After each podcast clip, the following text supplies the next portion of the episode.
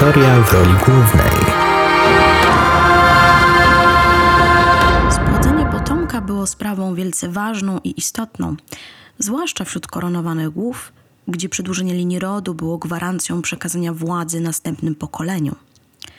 Płodzenie dzieci było jednak obwarowane wieloma zakazami i nakazami ze strony Kościoła, który bardzo dokładnie przyglądał się temu, co wierni wyczyniają za zamkniętymi drzwiami sypialni. Choć te nieraz były jednak otwarte, aby byli świadkowie tego podniosłego zdarzenia, jakim było skonsumowanie małżeństwa i upewnienie się, że następca tronu pojawi się na świecie. O ten odcinek byłam już od jakiegoś czasu proszona przez słuchaczy oraz patronów historii w roli głównej. Dość długo się za niego zabierałam, bo choć temat ciekawy, to wymaga odpowiedniego zapoznania się z tym zagadnieniem. Słuchacze, którzy są ze mną od jakiegoś czasu, zapewne pamiętają, jak opowiadałam przy okazji innych odcinków, jak wyglądało życie erotyczne średniowiecznych ludzi. Wspominałam o tym przy okazji omawiania życia naszych władczyń, jednak nie był to temat sam sobie. Nie było odcinka skupionego tylko na tym. Dzisiaj zapraszam Was na kolejny podcast serii Życie w średniowieczu, część czwarta w sypialni średniowiecznych ludzi, odcinek pierwszy. Historia w roli głównej opowieści kobiecym okiem. Jak życie sypialniane średniowiecznych kobiet? Czy spełniały zachcianki mężów, odbierały to jako nieprzyjemny obowiązek?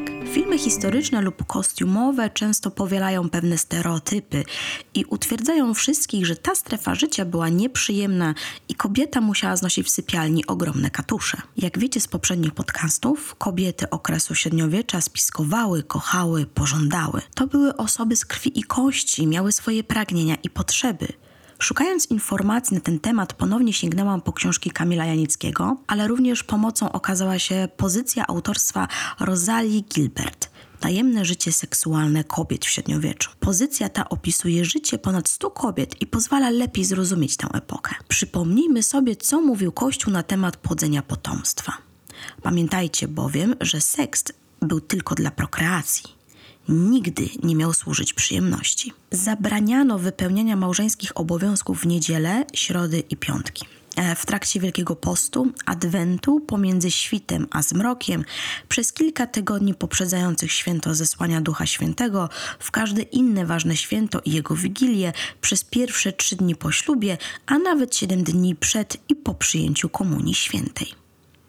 Każde odstępstwo oznaczało grzech ciężki. Czy ludzie się do tego restrykcyjnie stosowali? Zapewne niektórzy tak, ale raczej nie oszukujmy się, że wszyscy byli tak bardzo bogobojni. Krzysztof Skwierczyński w swoim wademekum historii średniowiecznej seksualności na podstawie książki Ruf Karas Sexuality in Medieval Europe podkreśla, że nie możemy pojmować seksualności ludzi średniowiecza poprzez pryzmat naszej rzeczywistości. Ten termin został ukuty w końcówce XVIII wieku, a opracowany w XIX. Wcześniej mówiło się o konkubinacie, nierządzie, prostytucji, rozwiązłości, nieczystości, cudzołóstwu, czy życiu w małżeństwie. Nie rozumiano jednak mechanizmów i brakuje w tym okresie pojęcia całości jako seksualności człowieka. Oceniając życie erotyczne ludzi tego okresu, jesteśmy skazani na opracowania teologów, kaznodziejów czy prawników, którzy kodyfikowali prawo. Święty Augustyn uważał, że pożycie seksualne jest niegodziwością i przejawem buntu wobec woli Stwórcy. Oczywiście akceptował on małżeństwo jako jedyną instytucję, w ramach której można uprawiać seks. Współżycie małżonków miało według niego służyć wyłącznie prokreacji. Partnerzy mieli pozostawać sobie wierni, a małżeństwo było nierozewalne. Bardziej rygorystyczny był święty Hieronim, który uznawał współżycie cielesne za grzeszne w każdej sytuacji i nawet w małżeństwie radził go unikać. Od czasów ojcu Kościoła datuje się też nakaz na przestrzeni średniowiecza coraz bardziej rozszerzany unikania współżycia małżeńskiego w czasie postu, pokuty, świąt czy menstruacji. W wieku XI wskazać można liczne przełomowe zjawiska i procesy, jak na przykład transformacja feudalna, spór między władzą świecką i duchową, zmiana podejścia do prawa, przemiany miejskie i ekonomiczne.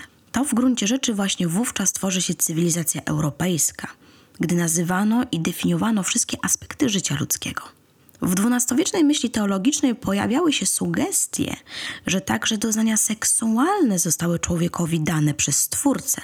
Tak więc współżycie małżonków nie było już grzechem, chociaż zalecano oczywiście wstrzemięźliwość w tym względzie i podporządkowywanie współżycia prokreacji. Z drugiej zaś strony, od tegoż XII stulecia, coraz większe potępienie spotyka wszelkie przejawy seksu pozamałżeńskiego. Wszelkie stosunki poza małżeństwem były traktowane jako przestępstwo, które powinno być karane. Można było pisać już nie tylko o miłości do Boga, ale również do kobiety powstaje miłość dworska, którą każdy z nas omawiał na lekcjach języka polskiego w szkole. W wieku XIII w parze z coraz większą akceptacją współżycia seksualnego w ramach małżeństwa idzie rozwój i precyzowanie norm prawnych i kanonicznych wymierzonych przeciw przestępstwom seksualnym. Wtedy to należy szukać źródeł nowożytnej niechęci do współżycia tak zwanych wbrew naturze, w tym zachowań homoseksualnych. Musimy uświadomić sobie, że w dzisiejszych czasach mówiąc o akcie, mamy na myśli dwójkę ludzi, która w nim uczestniczy. W kulturze średniowiecznej bardzo ważny był podział na stronę aktywną, męską i pasywną, żeńską. Dlatego stosunki homoseksualne były niebezpieczne dla społeczeństwa, ponieważ zakłócały ten podział. Istniał dobry akt prokreacyjny i zły akt nieprokreacyjny. To drugie uznawano za sprzeczne z zaleceniem boskim, a więc takie, które nie realizowało biblijnego nakazu idźcie i rozmnażajcie się. Synonimem grzechów przeciwnych naturze było pojęcie sodomia, obejmujące nie tylko zachowania homoseksualne, lecz wszystkie, które nie prowadziły do zapłodnienia. Sprzeczne z zasadami było po prostu marnowanie nasienia. Co ciekawe, w średniowieczu generalnie uważano, że kobieta jest bardziej rozpustna i ma większe potrzeby seksualne. Z tego powodu musiała się ona znajdować pod nieustanną, ścisłą kontrolą. Kara zwraca uwagę, że honor mężczyzny zależał od wielu czynników, jak szlachetność, odwaga, waleczność, umiejętność, mądrość, natomiast cnota i honor kobiety wynikały przede wszystkim z jej postępowania seksualnego. Rozwiązłość kobiety w większym stopniu plamiła honor rodziców i męża niż podobne postępowanie mężczyzny. Społeczeństwo i Kościół surowiej oceniali też zdradę małżeńską kobiety. Nie tyle akceptowana, co raczej mniej represyjnie karna i potępiana była aktywność seksualna kobiet znajdujących się poza małżeństwem, głównie w okresie życia przed ślubem. Mimo powszechnego potępienia wszelkiego seksu pozamałżeńskiego, wykroczenia mężczyzny w tej materii były traktowane stosunkowo łagodnie. Akceptowane były na przykład przedmałżeńskie wizyty młodych chłopców w domach publicznych.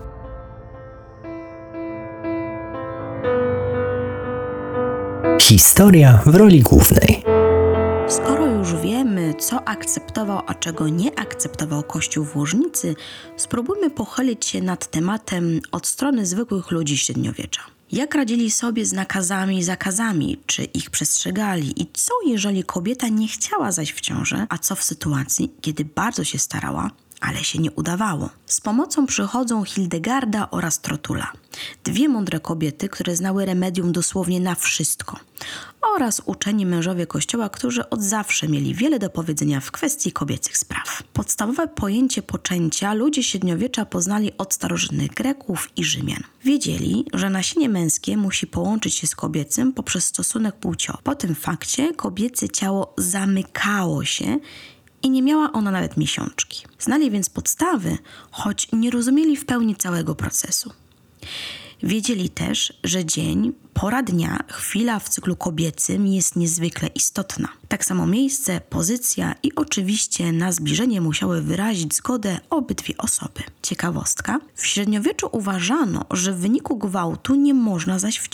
Realnie uważano, że jeżeli w wyniku aktu przemocy doszło do zapłodnienia, to kobieta musiała być chętna i kłamie o tym, że została zmuszona. Do zapłodnienia zachodzi tylko przy obopólnej zgodzie. Co za tym idzie, procesy o gwałty były bardzo skomplikowane, ale o tym później. Istniał szereg pomysłów, jak pomóc sobie, aby przyszły potomek był odpowiedniej płci. Jedna z rad mówiła, że należy ususzyć łono i pochwę zająca, następnie zmielić na proszek, zmieszać z winem i taki napój powinien wypić mężczyzna. Ciekawi mnie skąd brali te składniki, ale najwidoczniej były dostępne. Aby spłodzić dziewczynkę, też były pomysły i sposoby. Proces był bardzo podobny, ale z jądrami zająca i miała je wypić zmieszane z winem kobieta. Dlaczego akurat w takiej konfiguracji? Tego już mądre księgi nie wyjaśniają. Średniowieczni też mieli swoje sposoby na bezpłodność, a przecież wartość kobiety często wynikała z tego, ilu potomków dała. Ponownie, bardzo pomocne okazywały się podroby, takie jak wątroba i jądra świni, najlepiej małej. Mają zostać wysuszone i starte na proszek. Oczywiście taką miksturę należało wypić. Inna propozycja mówiła, że należy zmoczyć wilgotną wełnę w mleku oślicy, przewiązać ją do pępka i trzymać aż do stosunku. Ciekawe, co z zapachem rozkładającego się mleka. Przejdźmy dalej. Historia w roli głównej. Sytuacji, w której mężczyzna stara się, ale nie udaje mu się stanąć na wysokości zadania? Na to również było remedium zioła. Znajomość ziół była bardzo ważna. Ruta, piołun i niewielka ilość niedźwiedziego sadła mogą zdziałać istne cuda, jak się natrze okolice lędźwi i nerek i to blisko ognia. Jeżeli to nie zadziała, to można użyć rojnika, którego należy zamoczyć w kozim mleku na tyle, aby roślina tym mlekiem nasiąknęła. Następnie należy ugotować z tym samym mlekiem z dodatkiem kilku jajek rojnik. Takie danie mężczyzna powinien jeść od 3 do 5 dni. Należało jeszcze ustalić, kto nie może płodzić dzieci. Jedną z metod było wsypanie otrębów do dwóch różnych garnków. Do pierwszego należało wlać mocz mężczyzny, a drugiego kobiety. Odstawić je trzeba na 10 dni. Tam, gdzie znajdują się robaki, a otręby będą śmierdzić, to ten małżonek ma problem z niepłodnością. Skoro było wiadomo, gdzie leży problem, to już tylko sięgnąć po metody na poprawę takiego stanu rzeczy. A co w sytuacji, kiedy kobieta nie chciała zajść w ciążę? Jednym z rozwiązań była wiara i modlitwa. Niestety nie było zawsze gwarancji, że wszechmocny wysłucha, więc należało sięgnąć po inne środki. Pierwszym była abstynencja. Proste, a czy skuteczne, tego nie wie nikt. Druga opcja to wzięcie sobie kota.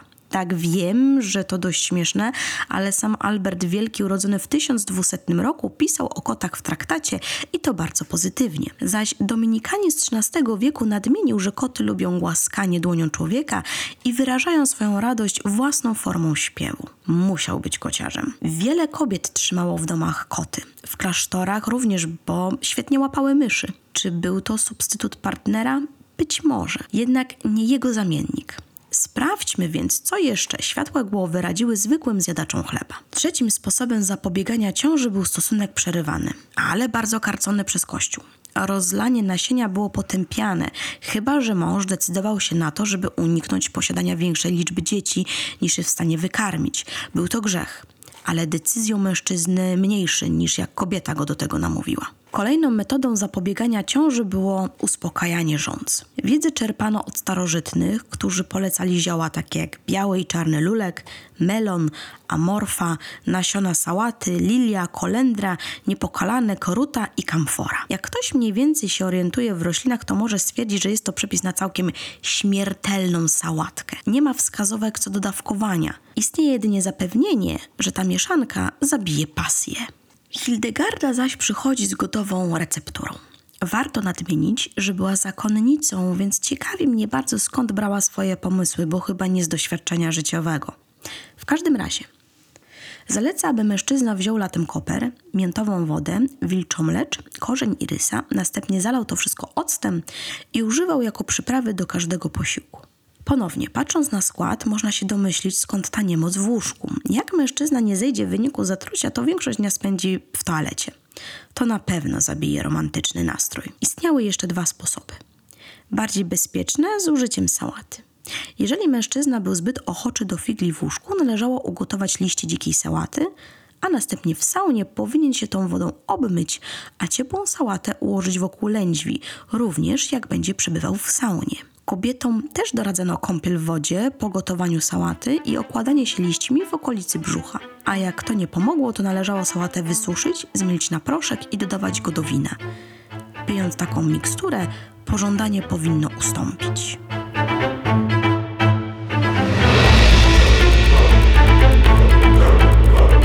Historia w roli głównej. Średniowieczna Polska. Zapytacie, a co w takim razie z pasami cnoty? Hollywood dał nam wspaniałe filmy i epickie bitwy, ale również wyobrażenia o średniowieczu, które możemy wsadzić między mity. Pasy cnoty nie widnieją w żadnym spisie inwentarza z okresu średniowiecza, choć wmawia się nam, że w czasie krucjat mężczyźni zamykali swoje połowice w takich pasach. Gdyby były noszone w czasie podróży, aby uniknąć gwałtów, zostałoby to nadmienione w jakimś piśmie z epoki.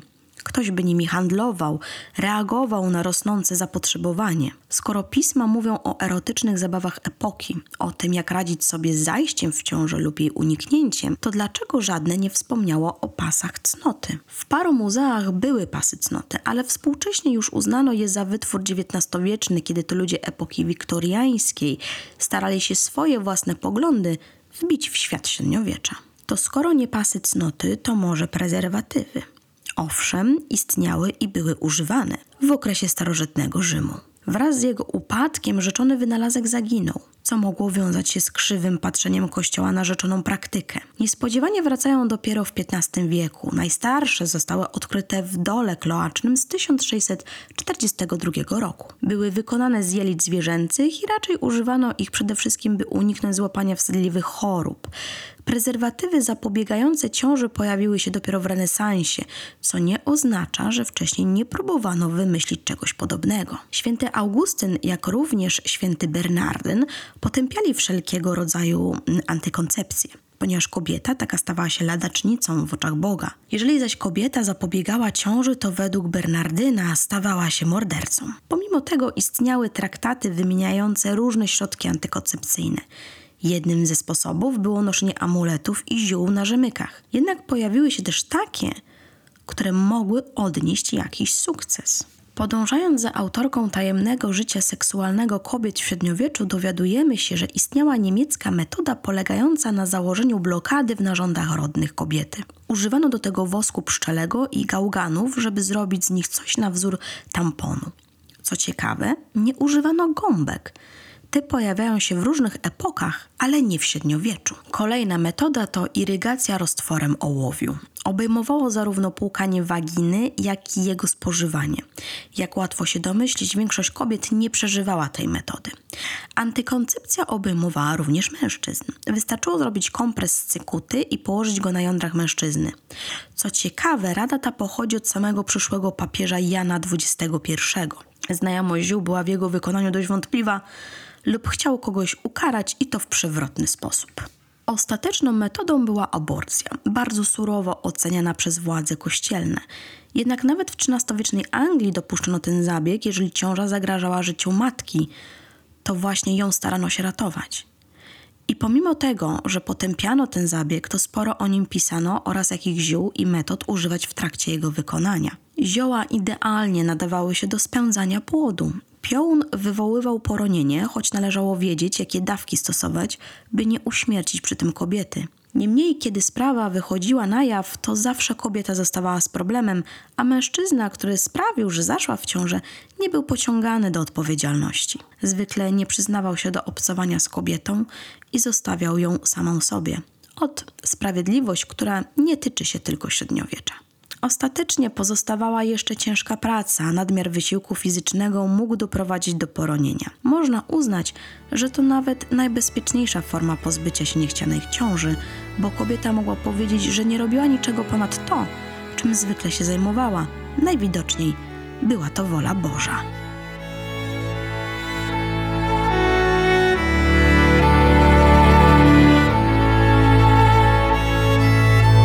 Historia w roli głównej odkrywamy zapomniane opowieści. Nie od dziś wiadomo, że średniowiecze to ciekawa epoka, która potrafi nas zaskoczyć swoją pomysłowością. Niektóre informacje przerażają, inne wzbudzają śmiech, a jeszcze inne obrzydzenie. Oczywiście to, co poruszyliśmy w tym odcinku, to nie wszystkie ciekawostki, jakie udało mi się zebrać. Zgodnie z wcześniejszą zapowiedzią, to dopiero pierwsza część. I już teraz z ogromną przyjemnością zapraszam Was, drodzy słuchacze, na kolejną, już za dwa tygodnie.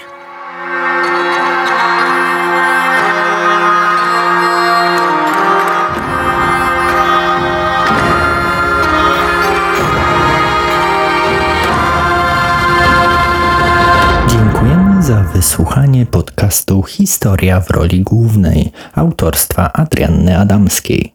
Czytali Adrianna Adamska i Rafał Matraszek. Realizacja akustyczna tylko Mefi. Tekst Adrianna Adamska. Korekta Anna Rymaszewska. Nagrania Adrianna Adamska, Rafał Matraszek. Montaż i obróbka Rafał Matraszek. Zapraszamy do pozostawienia swojego komentarza.